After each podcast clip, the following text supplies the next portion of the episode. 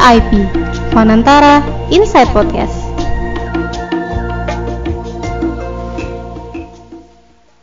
Halo VIPers, welcome back to our Fanantara Inside Podcast. Dengan aku, ini Michelle yang akan memandu program mingguan kita hari ini. Apalagi ya kalau bukan tema VIP yang kita selalu tunggu-tunggu ini. Sebelum mulai, aku mau sapa VIPers di rumah nih. Apa kabar kalian para pendengar VIPers? Semoga kalian selalu sehat dan rutin menjaga imunitas tubuh ya, terutama di masa pandemi kayak sekarang-sekarang ini. Yang nggak bisa mudik lebaran karena terhalang situasi pandemi sekarang, jangan sedih ya. Daripada galau, mendingan ikutan dengan podcast-podcastnya VIP. Oh iya, setelah dua minggu kita hiatus, karena menyambut momen lebaran, hari ini kita akan menghadirkan kembali episode VIP yang sudah memasuki episode ke-37 nih. Tentunya aku nggak sendirian karena aku punya partner host kali ini dan aku ditemani oleh Marta. Hai Marta, apa kabar? Halo juga Michelle, kabarku baik. Kamu gimana nih? Semoga sehat ya. Dan pastinya aku juga sama nih seperti Michelle, senang banget bisa berjumpa kembali dengan pendengar Sia VIPers yang bahkan sekarang uh, udah mencapai episode ke-37 ya meskipun kita hiatus tapi kalian pasti tetap nggak sabar dong pengen mantengin lagi episode-episode yang seru di VIP kali ini. Bener banget Mar, kalau aku sih udah dari lama nungguin VIP tayang podcast lagi dan gak sabar pengen dengerin langsung obrolan seputar lingkungan dan kehutanan seperti yang biasa VIP lakukan dengan menghadirkan narasumber yang keren-keren pastinya. Sebelumnya, aku mau kasih bocoran ke kalian nih. Berhubung tanggal 22 Mei lalu kita ikut memperingati Hari Keanekaragaman Hayati Sedunia, so, tema podcast kita kali ini pasti nggak jauh-jauh dari obrolan tentang cara menjaga kelestarian dan keanekaragaman hayati, termasuk salah satunya satwa endemik. Wah, apaan tuh Shell? Coba biar aku tebak ya. Kalau ngomongin satwa endemik, apakah kita bakal bahas putar primata gitu Shell? Seperti lutung, simpanse, kera, dan kutang gitu? Yap, benar banget. Lebih tepatnya kita bakal ngobrolin seputar biokonservasi primata sebagai bagian dari langkah menyelamatkan spesies ini dari ancaman kepunahan. Oleh karena itu, kita perlu memperdalam lagi pemahaman kita mengenai peran satwa satu ini dan upaya apa aja yang bisa kita lakukan untuk mulai ambil bagian menyelamatkan primata di alam. Sip, boleh banget nih Shell. VIPers di rumah juga udah gak sabar kan ya? Yuk, kalau gitu langsung aja kita sambut nih narasumber kita hari ini. Baiklah kalau gitu, yuk kita sambut Kak Hana Instisar Sawitri dari Pusat Studi Satwa Primata atau PSSP, Lembaga Penelitian dan Pengabdian kepada Masyarakat LPPM IPB. Halo Kak Hana, apa kabar? Halo Michelle dan Marta, sehat Alhamdulillah. Oh iya. Baik, aja. Wah, turut berbahagia karena di masa pandemi ini yang penting kan kesehatan nomor satu ya kak. Iya. Oh. Uh, buat VIPers yang belum tahu nih, Kahana ini adalah staf peneliti di Pusat Studi Satwa Primata atau PSSP, Lembaga Penelitian dan Pengabdian kepada Masyarakat atau LPPM IPB. Kahana sendiri juga merupakan lulusan sarjana kehutanan loh di Institut Pertanian Bogor dan pernah terlibat aktif dalam himpunan mahasiswa konservasi sumber daya hutan dan ekowisata jadi VIPers bisa membayangkan sendiri nih ya, passion Kahana terhadap dunia satwa primata dan mamalia tuh sangat besar sekali. Bahkan sekarang juga Kahana ini bekerja di bidang yang sama nih dengan uh, kegiatan di kampus dulu. Keren sekali ya VIPers. Pastinya dong Mar. Seperti yang tadi kita udah bocorin kalau tema podcast kita kali ini adalah biokonservasi primata. Jadi kita bakalan tanya-tanya sama Kahana ya tentang apa itu biokonservasi, kenapa biokonservasi prima itu penting, dan masih banyak lagi pertanyaan lainnya yang sudah kita siapin buat Kak Hana. So langsung aja kita mulai ya Kak, dengan ya. pertanyaan ya. pertama nih. Kak Hana, bisa ceritain nggak tentang lembaga penelitian dari Pusat Studi Satwa Primata atau PSSP ini? Seperti apa visi misinya, lalu kegiatannya apa aja sih yang menjadi program utama dari PSSP ini? Iya, jadi PSSP itu merupakan uh, pusat studi satwa primata ya, yang berada di bawah Lembaga Penelitian dan Pengabdian kepada Masyarakat Institut Pertanian Bogor. Nah, IPB sendiri itu mempunyai banyak pusat studi gitu, teman-teman. Jadi tidak hanya ada PSSP, tapi ada pusat studi lain yang uh, merupakan bagian dari LPPM seperti itu. Nah, kebetulan untuk sesuai namanya ya, studi satwa primata itu berarti kita fokusnya ke studi satwa primata. Di sini untuk visi dan misi saya mengquote dari website PSSP juga, bisa dicek primata.ipb.ac.id. Jadi visi kami adalah menjadi pusat pengembangan sumber daya manusia, iptek dan kebijakan pembangunan berbasis riset primatologi yang bertaraf internasional dan berwawasan lingkungan. Lalu untuk misi kami ada tiga yaitu untuk menyelenggarakan pengembangan sumber daya manusia, iptek dan rumusan kebijaksanaan kebijaksanaan pembangunan berbasis riset primatologi dasar maupun terapan. Lalu yang kedua ada menyelenggarakan pemanfaatan dan pelestarian satwa primata berikut ekosistemnya bagi kesejahteraan manusia. Lalu yang terakhir adalah menyelenggarakan kerjasama berkesinambungan dan pelaksanaan riset dengan mengedepankan akuntabilitas, profesionalitas, serta sistem manajemen yang handal. Seperti itu. Lalu untuk program yang ada di PSSP, eh, kami ada beberapa program, tepatnya ada empat. Yaitu di sini ada program bioteknologi yang dibawa eh, menaungi lab bioteknologi.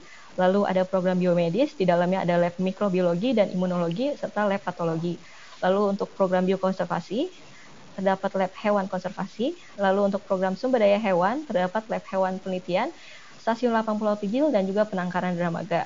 Jadi program utama di PSSP itu memang mengacu kepada tridharma perguruan tinggi, yaitu pendidikan, penelitian, dan pengabdian kepada masyarakat. Sehingga uh, kami pun dalam berkegiatan mengacu pada hal tersebut. Jadi pendidikan biasanya kami berupa memberikan pelatihan seperti itu teman-teman VIP. Lalu untuk penelitian kita biasanya menerima uh, layanan uji sampel dan juga layanan penelitian di lab kami. Lalu untuk pengabdian kepada masyarakat, kita biasanya menerima uh, mahasiswa magang yang ingin magang di lab kami. Lalu juga menjadi salah satu seperti ini menjadi narasumber dalam acara-acara yang relevan dengan uh, PSSS sendiri. Seperti itu teman-teman. Waduh, menarik banget nih tadi uh, program-programnya. Ternyata ada empat concern utama ya kak, uh, yang yeah. tadi Kak Hana sebutkan dan ternyata ada kesempatan magang juga ya bisa bergabung di PSSP ini kak. Iya betul uh, sangat itu menarik banget. Oh untuk mahasiswa iya. iya. Kalau ini PSSP tuh emang udah berapa lama kak?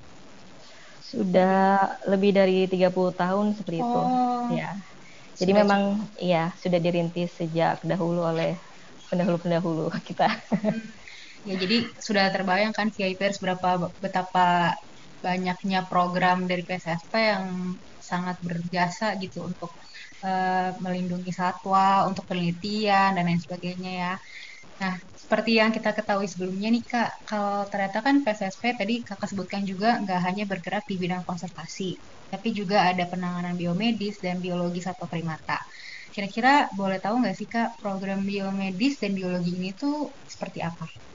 Ya, jadi seperti yang tadi sudah saya jelaskan ya, um, mungkin untuk detailnya saya coba jelaskan untuk lab mikrobiologi dan imunologi itu kita lebih ke arah um, melaksanakan pelayanan dan penelitian serta pendidikan dengan menggunakan berbagai peralatan terkini, yaitu untuk misalnya virologi, bakteriologi, serta imunologi seperti SRV, STLV, SIV, dan antibody herpes virus itu.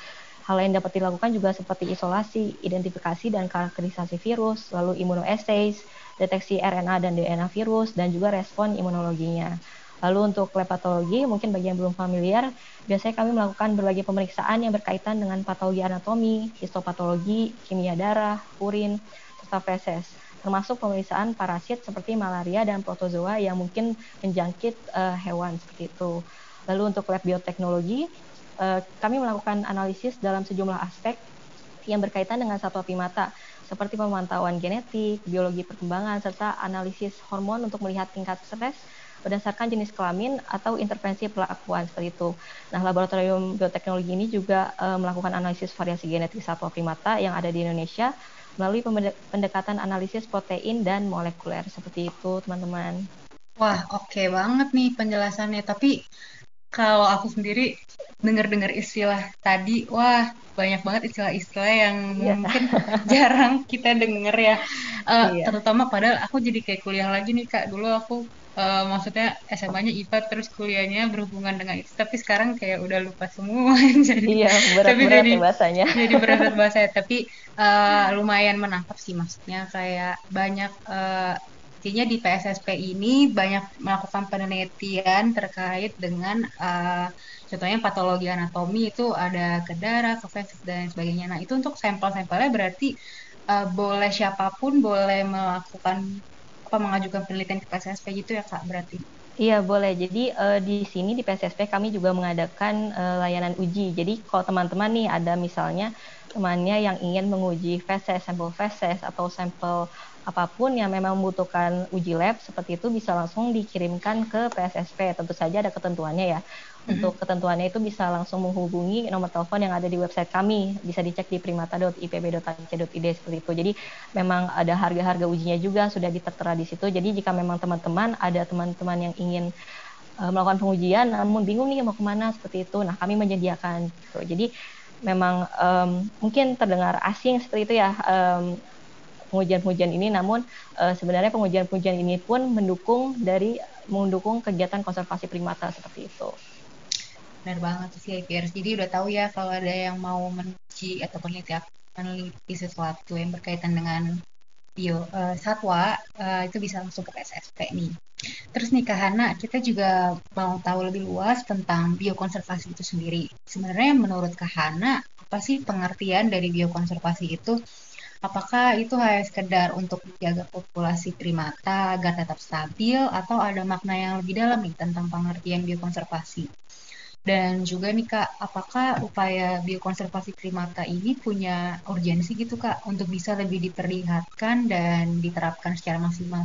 Uh, iya, jadi biokonservasi mungkin jarang terdengar ya. Yang sering kita dengar itu konservasi. Jadi sebenarnya PSP, PSSP sendiri itu kenapa ada program biokonservasi sebenarnya ini gabungan dari biologi dan konservasi jadi menjadi biokonservasi seperti itu nah e, biologi dan konservasi. Jadi kalau konservasi kan kita tahu nih kita menjaga. Namun sebenarnya kita tidak hanya menjaga tentu saja ada aspek biologinya yang terdapat di dalamnya gitu ya. Jadi kita menggabungkannya ilmu biokonservasi itu di program ini kita benar-benar e, menerapkan bahwa kita tidak hanya menjaga, tapi kita harus memperhatikan aspek-aspek biologi dari satwa tersebut dalam menjaganya juga dan dapat dilihat juga dari segi bahasa ya. Bios itu berarti kehidupan dan uh, konservasi berasal dari kata to conserve yang berarti menjaga. Jadi biokonservasi dapat diartikan juga sebagai uh, kegiatan dalam menjaga agar satwa liar atau kehidupan yang ada di bumi ini tetap lestari seperti itu.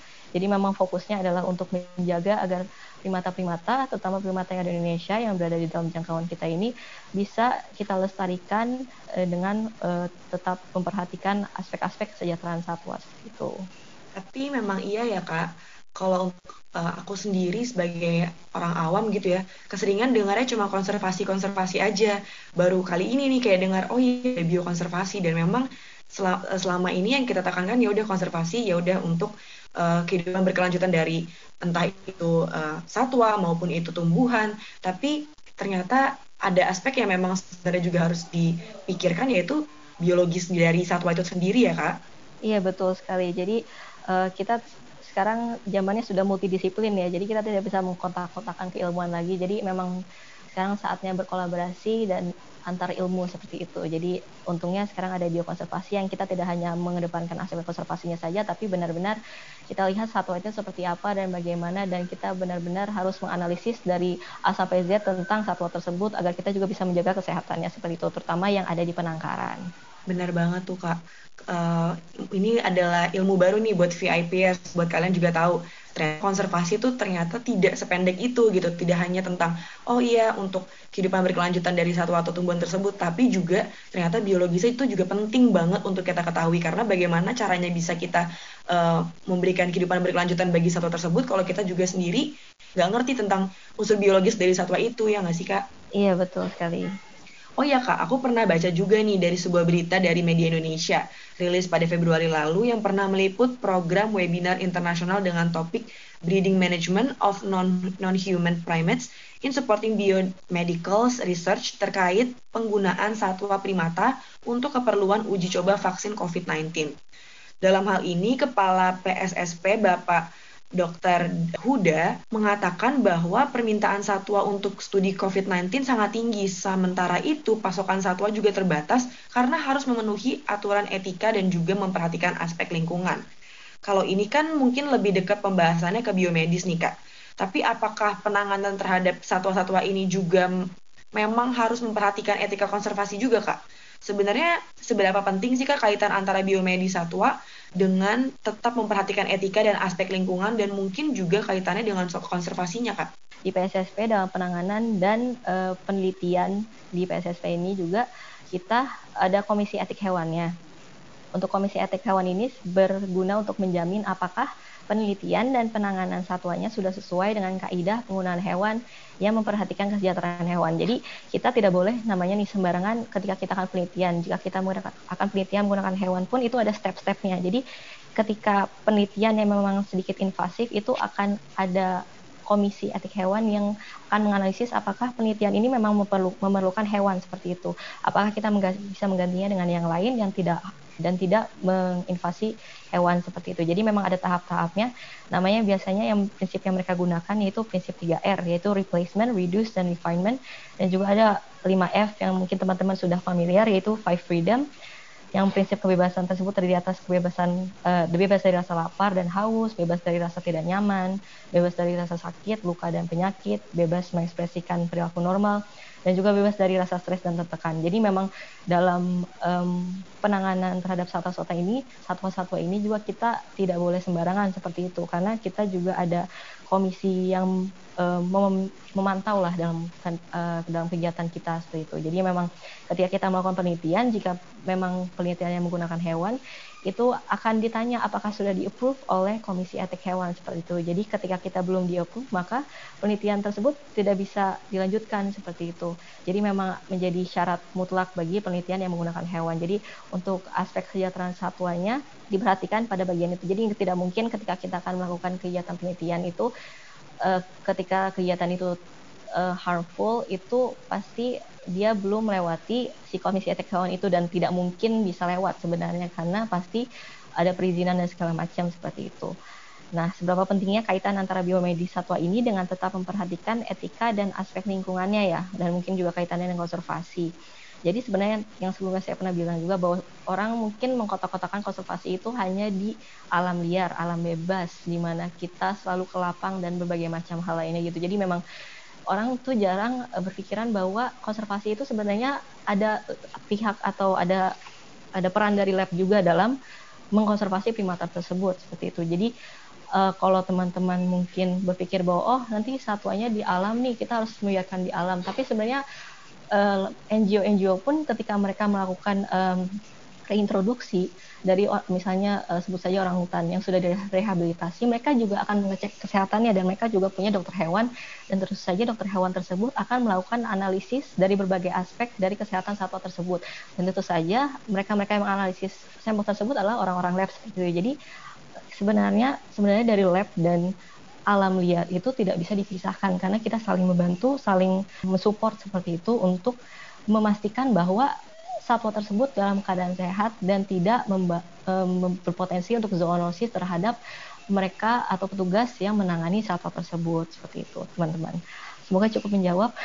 Ya Kak Hana, terima kasih uh, jawabannya ini cukup menjawab sih Kak. Jadi kita sekarang tahu kalau misalnya ketika mau ada penelitian yang menggunakan hewan atau menggunakan satwa yang langka gitu itu memang harus ada serangkaian prosesnya dulu nih VIPers nggak bisa langsung kita tentukan oke okay, mau menggunakan satwa ini untuk uh, uji vaksin atau apa.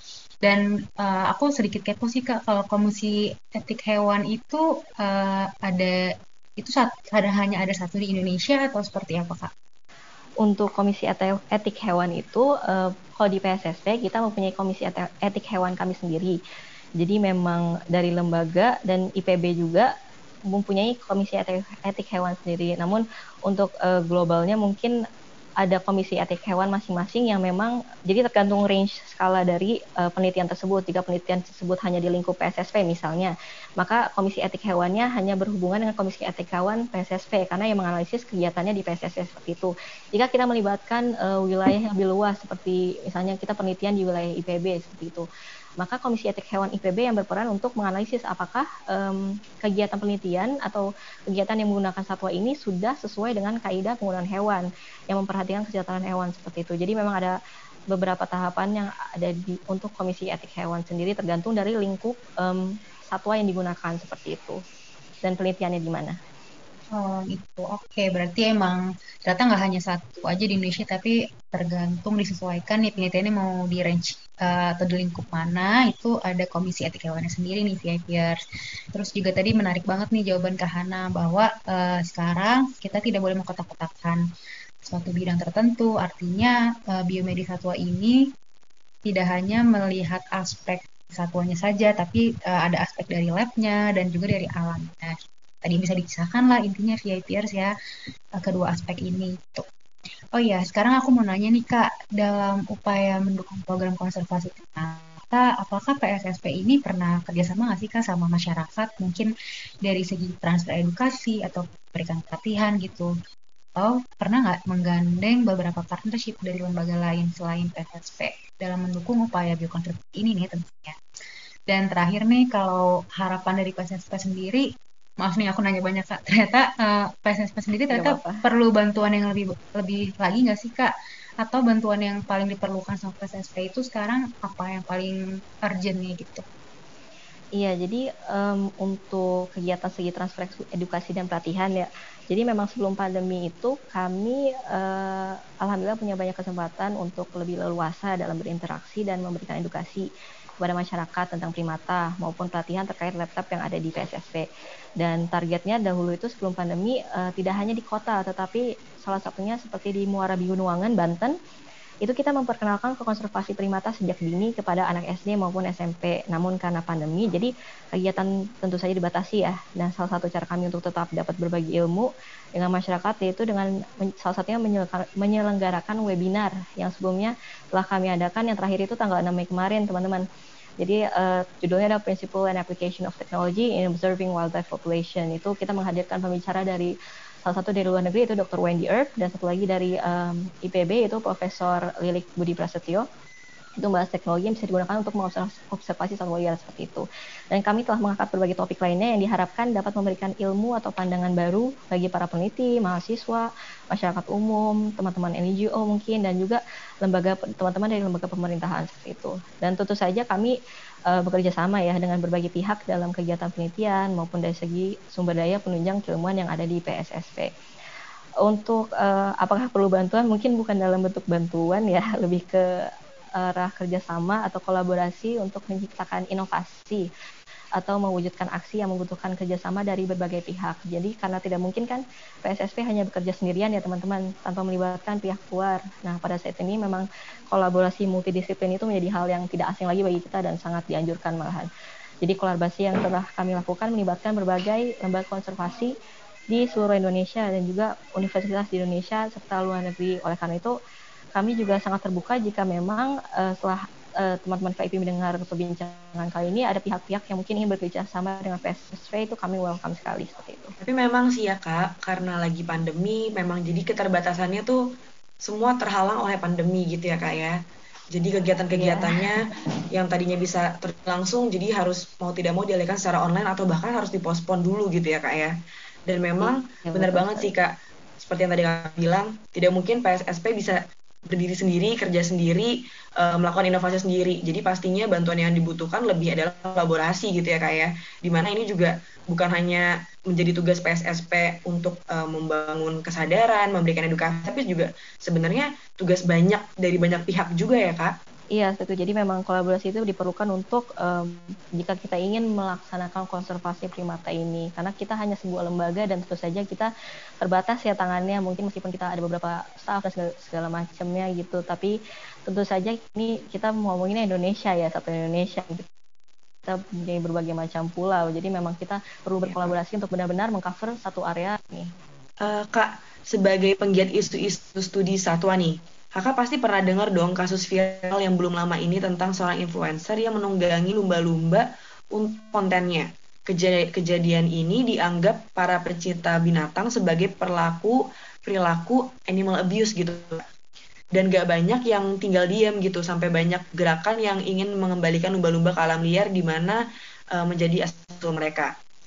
Pasalnya, sejak lumba-lumba ini ditangkap dan dijadikan tontonan atraksi bagi masyarakat, mereka sampai lupa nih bagaimana cara hidup sebagai makhluk yang hidup di alam liar. Mereka jadi sangat bergantung manusia untuk keberlangsungan hidup mereka. Sama seperti kasus lumba-lumba tersebut, saat ini masih banyak juga primata yang dijadikan objek tontonan atraksi. Seperti uh, yang kita sering lihat gitu ya kak, akhir-akhir ini, uh, tanpa kita cari-cari di jalanan banyak banget kita temukan atraksi topeng monyet. Padahal seharusnya primata-primata hidup ini bisa hidup bebas gitu kak di alam liar tanpa dikekang dan tanpa bergantung dengan manusia. Di lain pihak banyak banget tuh yang beranggapan bahwa menjadikan hewan menjadi objek tontonan atraksi sangat penting untuk menjadi edukasi. Tapi gimana nih pendapat Kahana terkait isu tersebut? Dan sebaiknya bagaimana sih cara kita untuk tidak mengeksploitasi primata dan menjadikannya objek tontonan atraksi? Apakah yang perlu dilakukan tidak hanya dari pemerintah nih kak, tapi perlu juga nih untuk kita eh, kita kita berhenti uh, memulai aksi untuk menghentikan eksploitasi primata. Coba nih kak, gimana menurut kakak? Iya, ini cukup mungkin bisa dibilang sensitif sedikit, sensitif ya topik bahasannya. Jadi mungkin ini opini yang cukup umum saja seperti itu. Jadi bisa dikatakan memang kegiatan tersebut seperti yang topeng monyet dan lumba-lumba itu memang menyalahi menyalahi hak dan kesejahteraan dari satwa tersebut ya yang seharusnya mereka bisa hidup bebas di alam bebas gitu. Nah, peran kita sebagai masyarakat untuk tidak mendukung kegiatan tersebut tentu saja itu salah satunya dengan karena kita tahu uh, bagaimana menyampaikannya. Jadi kan biasanya kegiatan tersebut itu berorientasi pada profit ya teman-teman. Jadi memang kegiatan seperti atraksi lumba-lumba maupun atraksi topeng monyet, mereka pasti tentu saja mencari um, penghasilan kan ya, ada laba atau profit di dalamnya. Nah, peran kita yang dapat dilakukan adalah dengan tidak memberikan uang untuk kegiatan tersebut salah satunya. Jadi kita jangan malah mendukung kegiatan tersebut dengan ikut menonton, ikut memberikan um, atau membayar tiket dan atau memberikan sebagian uang maupun itu uang receh seperti itu. Karena jika kita melakukan tindakan tersebut, kita secara tidak langsung maupun langsung sudah uh, seolah memberikan persetujuan akan tindakan tersebut. Jadi memang jika teman-teman menemukan hal tersebut, jika kita bi tidak bisa secara langsung untuk menindaklanjutinya seperti itu karena kita mungkin hanya masyarakat ya, ya biasa yang mungkin hanya menonton seperti itu. Maka kita bisa melakukannya dengan tidak ikut serta menonton seperti itu. Itu mungkin yang bisa saya sampaikan ya. Dan kita juga dapat berperan dengan saling mengingatkan dan menyebarkan informasi berupa fakta yang memang terjadi di lapangan. Jadi ketika kita menyampaikan informasi terkait hal-hal yang cukup sensitif seperti ini, usahakan kita tidak memberikan informasinya dengan terlalu berat di salah satu pihak. Jadi kita harus berusaha untuk netral dan bagaimana sih cara kita untuk menanggulangi masalah ini. Jadi lebih baik daripada kita menggebu-gebu untuk wah pihak ini salah nih, salah macam segala macam gitu. Nah, bagaimana solusi yang bisa kita berikan agar hal tersebut tidak terulang di kemudian hari seperti itu. Jadi ada baiknya ketika kita menemukan hal tersebut seperti ini, kita bisa berdiskusi dengan teman-teman yang mungkin memang sudah aware dengan hal-hal ini untuk mencari solusi yang lebih baik untuk kesejahteraan satwanya. Namun tentu saja hal tersebut tidak semudah teorinya ya, banyak faktor yang menyebabkan hal seperti ini dapat terjadi. Jadi memang mungkin hal itu yang bisa saya uh, bantu berikan untuk uh, menanggulangi eksploitasi satwa tersebut.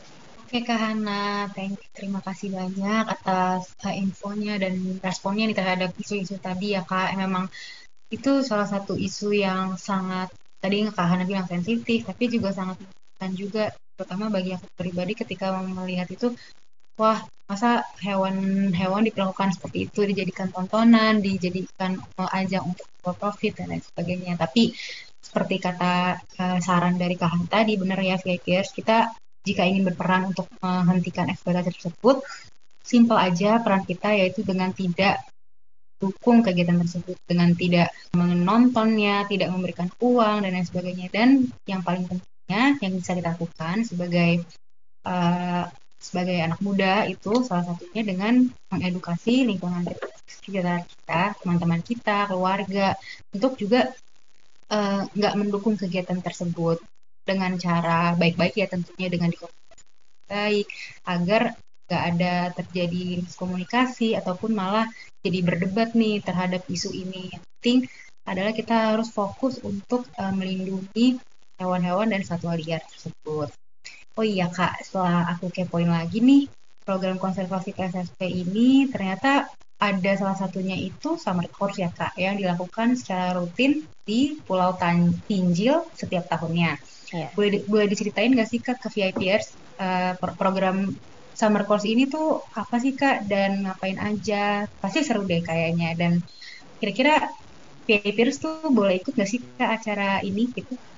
Iya, jadi um, sejak tahun 1000, 1990 itu ada kegiatan kami namanya Summer Course. Nah, itu sebenarnya tahun 2020 kemarin itu kita udah mengadakannya ke 30 tahun gitu. Namun karena pandemi ya, karena pandemi jadi kami mengadakannya secara online dan kita namakan sebagai First Online Summer Course dan kegiatannya hanya seminggu karena online seperti itu. Dan itu menghadirkan uh, teman-teman dari mancanegara, ada juga yang dari Indonesia seperti itu. Nah, Summer Course sendiri itu tujuannya adalah sebagai ajang pembelajaran di stasiun Lapang Pulau Tinjil yang memang um, merupakan salah satu uh, stasiun atau tempat untuk belajar bagi um, staff PSSP dan juga peneliti-peneliti di PSSP itu. Jadi di, di Pulau Tinggi itu memang kami uh, punya penangkaran uh, bukan penangkaran ya lebih ke arah uh, tempat perkembangbiakan monyet ekor panjang yang memang kami sudah bekerja sama dengan BKSDP juga dan juga perizinan-perizinan terkait jadi memang sudah legal dan di situ memang menjadi tempat bagi penelitian jika memang ada yang ingin penelitian dan juga untuk mengobservasi monyet ekor panjang seperti itu. Nah, dahulu ketika memang belum belum online, belum keadaan seperti sekarang ini, kita mengadakan kegiatannya uh, sekitar durasinya tiga minggu, yang kemudian berubah menjadi dua minggu karena pertimbangan uh, beberapa pertimbangan seperti itu. Jadi memang ketika mahasiswa ikut kegiatan summer course ini yang diadakan oleh PSSP itu mereka mendapatkan tambahan SKS. Jadi memang ada satuan kreditnya ketika mereka mengikuti uh, kegiatan ini seperti itu. Jadi memang eh, selain mereka mendapatkan pembelajaran yang baru tentang informasi di lapang seperti apa dalam berhadapan dengan um, primata, bagaimana mengobservasinya, pengamatannya seperti itu, itu mereka juga mendapatkan um, SKS karena telah ikut dalam summer course ini. Nah untuk tahun ini sendiri um, ke, masih belum ada kabar lebih lanjut karena memang kondisi masih seperti ini ya teman-teman. Jadi mungkin nanti teman-teman bisa memantau di beritanya di sosial media kami bisa di website kami primata.ipb.ac.id atau di IG PSSP yaitu, yaitu di pssp.ipb untuk lebih tahu perkembangan informasinya. Seperti itu teman-teman. Wah seru banget ya kak ternyata programnya ini. Tapi sayang banget karena lagi pandemi jadinya nggak bisa nih ya kak. Padahal kayaknya asik banget ya kak. Iya seru. nah, aku juga mau tanya lagi nih kak, kan PSSP sendiri sudah banyak ya uh, merilis publikasi seperti jurnal dan juga buku ajar. Bahkan sudah banyak menyelenggarakan seminar soal pembahasan primata ini. Tentunya program PSSP ini sudah banyak menghasilkan penghargaan baik nasional maupun internasional. Kalau boleh tahu nih Kak, bisa diceritain nggak nih Kak, penghargaan apa saja yang sudah diterima oleh PS, PSSP hingga saat ini? Apakah ada rencana untuk membawa PSSP ini giat lagi menciptakan inovasi-inovasi lain di masa depan Kak? Iya, jadi PSSP memang karena sudah berkiprah cukup lama itu kita memiliki beberapa um, penghargaan ya. Salah satunya menjadi pusat unggulan IPTEK.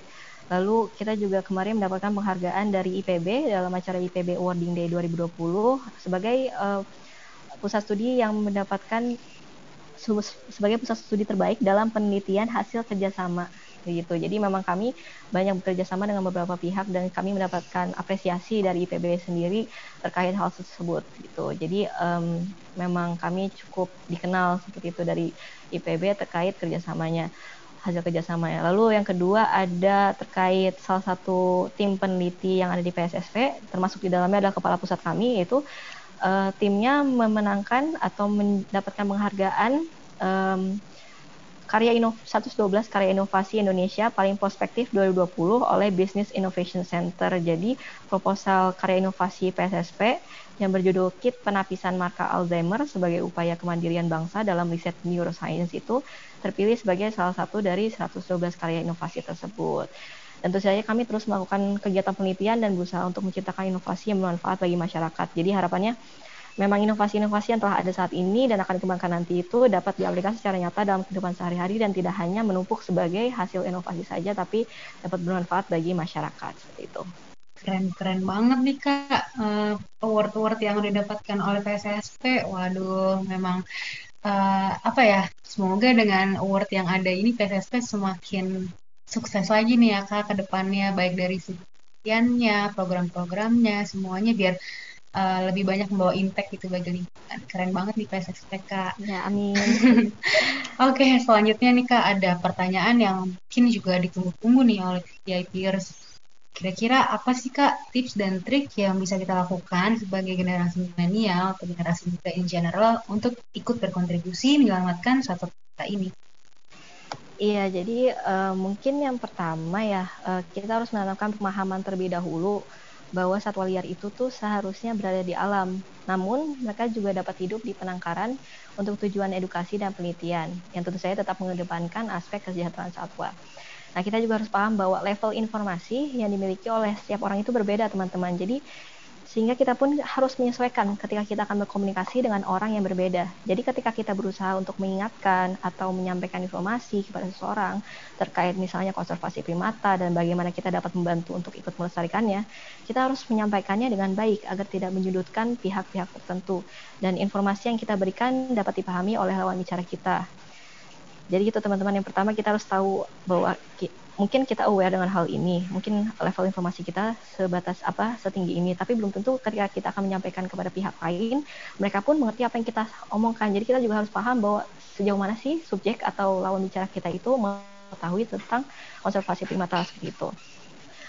Lalu yang kedua itu um, kita juga dapat partisipasi dalam menyelamatkan primata dengan berdonasi dalam penggalangan dana yang bertujuan untuk mendukung kegiatan konservasi primata. Mungkin teman-teman um, pernah melihat ya ada um, mungkin NGO-NGO atau di forum penggalangan dana yang mereka menggalang dana untuk tujuan um, konservasi. Jadi mungkin karena kegiatan konservasi itu biasanya membutuhkan banyak biaya teman-teman ya.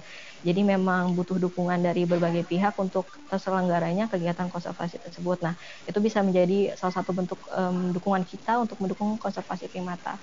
Nah kita juga bisa dapat berbagi um, informasi mungkin berupa fun fact bagi kita kita yang mungkin sudah um, tahu dengan teknologi atau menggunakan aplikasi-aplikasi desain yang mungkin lebih gampang seperti itu untuk membuat um, thread atau membuat postingan yang terkait uh, fun fact primata yang setidaknya dapat membuat teman-teman kita itu yang mungkin tadinya tidak tahu menjadi lebih tahu tentang primata yang ada di Indonesia.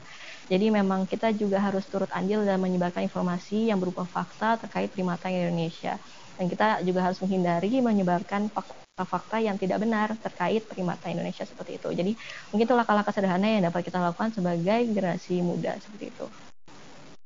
Nah, itu dia tuh VIPers tips-tips yang bisa kalian terapkan dari Kahana untuk uh, menjaga kelestarian uh, satwa primata. Ada banyak tuh tadi tipsnya dan yang paling simpelnya ya dengan sesederhana untuk ber, uh, mengajak uh, lingkungan sekitar kita untuk melindungi primata melalui sosial media gitu ya bisa juga dengan mengedukasi lingkungan sekitar kita dan tentunya harus kita sadari uh, seperti pesannya Kahana kalau informasi yang kita dapatkan itu mungkin aja berbeda sama teman kita atau lingkungan kita. Makanya kita harus bisa menyesuaikan ke siapa kita, ber, kita berbicara dan uh, harus menyamakan levelnya gitu ya. Harus pokoknya harus tahu siapa yang bisa kita ajak berbicara tuh dan aku juga ada pertanyaan lagi nih Um, kalau menurut Kahana, ada, apa sih Kak tantangan terberat dalam mengajak orang lain, khususnya generasi milenial lagi nih ya di luar sana untuk mulai peduli dengan isu primata di Indonesia yang sangat uh, apa ya sangat urgent gitu sekarang.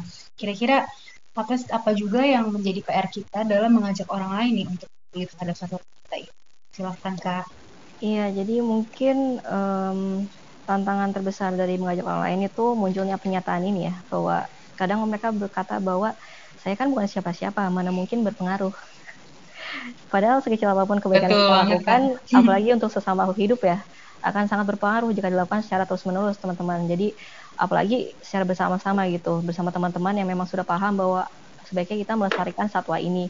Jadi PR kita sebenarnya adalah untuk tetap istiqomah atau tetap konsisten dalam mengajak dan memberikan informasi yang sesuai dengan fakta terkait primata dan pelestariannya seperti itu teman-teman.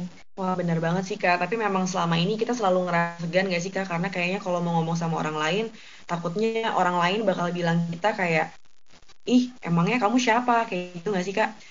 Ya mungkin sih terjadi uh, lumayan sering gitu ya, atau enggak walaupun tidak secara langsung, mungkin bisa jadi uh, ngomongnya atau mungkin lirikan matanya gitu ya, kayak menunjukkan gestur kayak, emangnya kamu siapa bisa ngingetin aku kayak gitu Iya, makanya pentingnya tadi yang saya sebutkan sebelumnya itu kalau misalnya kita harus juga harus tahu nih sejauh mana sebenarnya teman lawan bicara kita itu paham tentang konservasi primata seperti itu dan posisi kita ini dalam aspek konservasi primata sudah sejauh mana kita berkontribusi. Jadi memang yang penting itu dari kita sendiri. Apakah kita sudah melaksanakan yang kita omongkan atau belum gitu. Jadi memang ketika kita belum melaksanakannya tentu saja kita harus lebih tahu diri untuk menerapkannya dulu di kehidupan kita, di diri diri kita sendiri sebelum kita mengajak orang lain seperti itu. Nah, itu penting banget tuh VIPers. Sebelum kita mau mengajak orang lain untuk melakukan hal yang sama dengan apa yang kita lakukan, jangan lupa untuk mulai dari diri kita sendiri dulu. Dan tidak ada salahnya untuk memulai dari diri kita sendiri untuk hal yang baik. Nah, Kak, tadi setelah Kakak menyampaikan tips and trick, Terus juga tantangannya, apa sih pesan yang kakak ingin sampaikan kepada teman-teman VIPers di rumah supaya ikut mendukung dan juga mulai melakukan upaya biokonservasi primata ini bersama-sama melalui langkah sederhana tadi, Kak? Iya, jadi kalau pesannya mungkin cuma satu ya. Kalau misalnya tadi uh, seperti yang sudah saya sebutkan, jika kita tidak bisa mengajak orang lain atau kita tidak bisa melakukan perubahannya secara langsung, secara nyata, Ya mungkin hal paling sederhana yang bisa kita lakukan adalah dengan mendoakan agar pribadi tersebut atau orang-orang tersebut akan terketuk pintu hatinya untuk ikut melestarikan satwa seperti itu atau mengubah kebiasaan buruk mereka menjadi kebiasaan yang lebih mencintai satwa. Dan yang terpenting adalah kita sendiri yang tadi sudah saya bilang juga uh, dan uh, Michelle bilang juga bahwa kita sendiri itu yang terpenting sebagai individu harus bisa memulai aksi nyata dari diri sendiri gitu. Jadi insya Allah kalau misalnya kita melakukan kebaikan tersebut, kebaikan tersebut pun akan menular ke sekitar kita dan menyebar seperti itu. Jadi memang yang susah di sini adalah untuk istiqomah dalam melakukan kebaikan tersebut. Ya, itu sih paling pesannya. Nah, sekali lagi VIPers, jangan sampai lupa untuk mulai dari diri kita sendiri. Nah, Kak, uh, setelah tadi kita ngobrolin banyak hal nih tentang biokonservasi primata dan program-program hal menarik dari PSSP, kita udah dapat banyak pembelajaran baru nih. Makasih banyak ya, Kak. Tapi kayaknya yang kurang deh. Kira-kira apa ya? Aku ingat sih Shell, kita belum nanya ini sama Kak Hana informasi sosial media dan uh, website PSSP. Walaupun tadi Kak Hana juga ada mention nih, tapi uh, di antaranya pasti VIP ini juga pengen tahu ya kira-kira kalau kita pengen kepoin lebih lanjut di sosial media itu bisa ke mana sih Kak? Iya, jadi kalau misalnya teman-teman mau tahu lebih lanjut tentang PSSP atau kegiatan yang kami lakukan di PSSP atau tadi terkait uh, layanan uji sampel, mungkin ada teman-teman yang berminat, itu bisa langsung dicek di website PSSP di primata.ipb.ac.id atau bisa cek juga di pssp.ipb itu di Instagramnya. Atau bisa juga langsung saja di search kalau misalnya untuk layanan sampel, bisa dicek langsung layanan uji PSSP seperti itu. Untuk sosmed saya perlu nggak? Eh. Boleh, boleh. Silahkan, Kak. Sosmednya Kak Hana sekalian. Malu jadinya. nggak apa-apa, Kak. Untuk Instagram itu bisa di, misalnya ada mau nanya-nanya nih lebih lanjut atau pengen ngobrol-ngobrol lanjut, bisa langsung DM aja di hana.intishar intishar sih sebenarnya bacanya cuman takut salah tulis ya intishar iya, iya.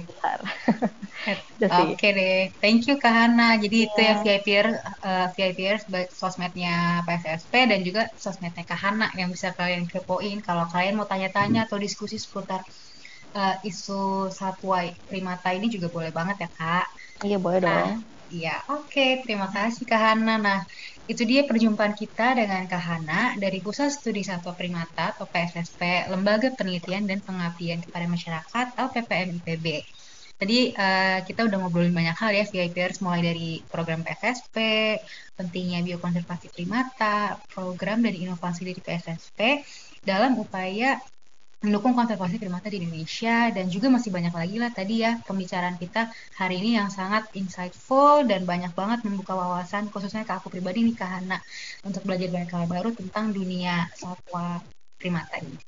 Dan aku sendiri jadi lebih tertarik nih buat kepo-kepoin tentang satwa endemik dengan di sosial medianya PSSP tadi dan pastinya ketika eh, ngobrol-ngobrol uh, tentang isu ini aku jadi makin bangga nih jadi warga negara Indonesia. Kalau kamu gimana, Shell? Sama dong, aku juga. Malahan aku seneng banget Kahana akhirnya bersedia hadir di tengah-tengah kita saat ini buat jelasin pentingnya menjaga satwa primata ini. Karena kita sebagai generasi muda harus menyadari bahwa peran satwa dalam ekosistem itu sangat bergantung dengan aktivitas manusia. Nah, buat VIPers, jangan lupa ya, Fanantara Insight Podcast bakal hadir di setiap hari Rabu. Jadi siap-siap dengerin obrolan kita soal lingkungan dan hutan. Karena menjaga lingkungan dan hutan bukan hanya tugas pemerintah ataupun petugas berwajib, tapi juga tugas dari kita semua manusia dan individu yang hidup di bumi ini. Kalau gitu, mungkin sampai di sini dulu ya episode VIP hari ini. Kalau ada kritik dan saran, kalian bisa kirim ke DM Instagram kita at fanantara underscore com ya. Sampai jumpa! Sampai jumpa semuanya VIPers. Dadah! Dadah!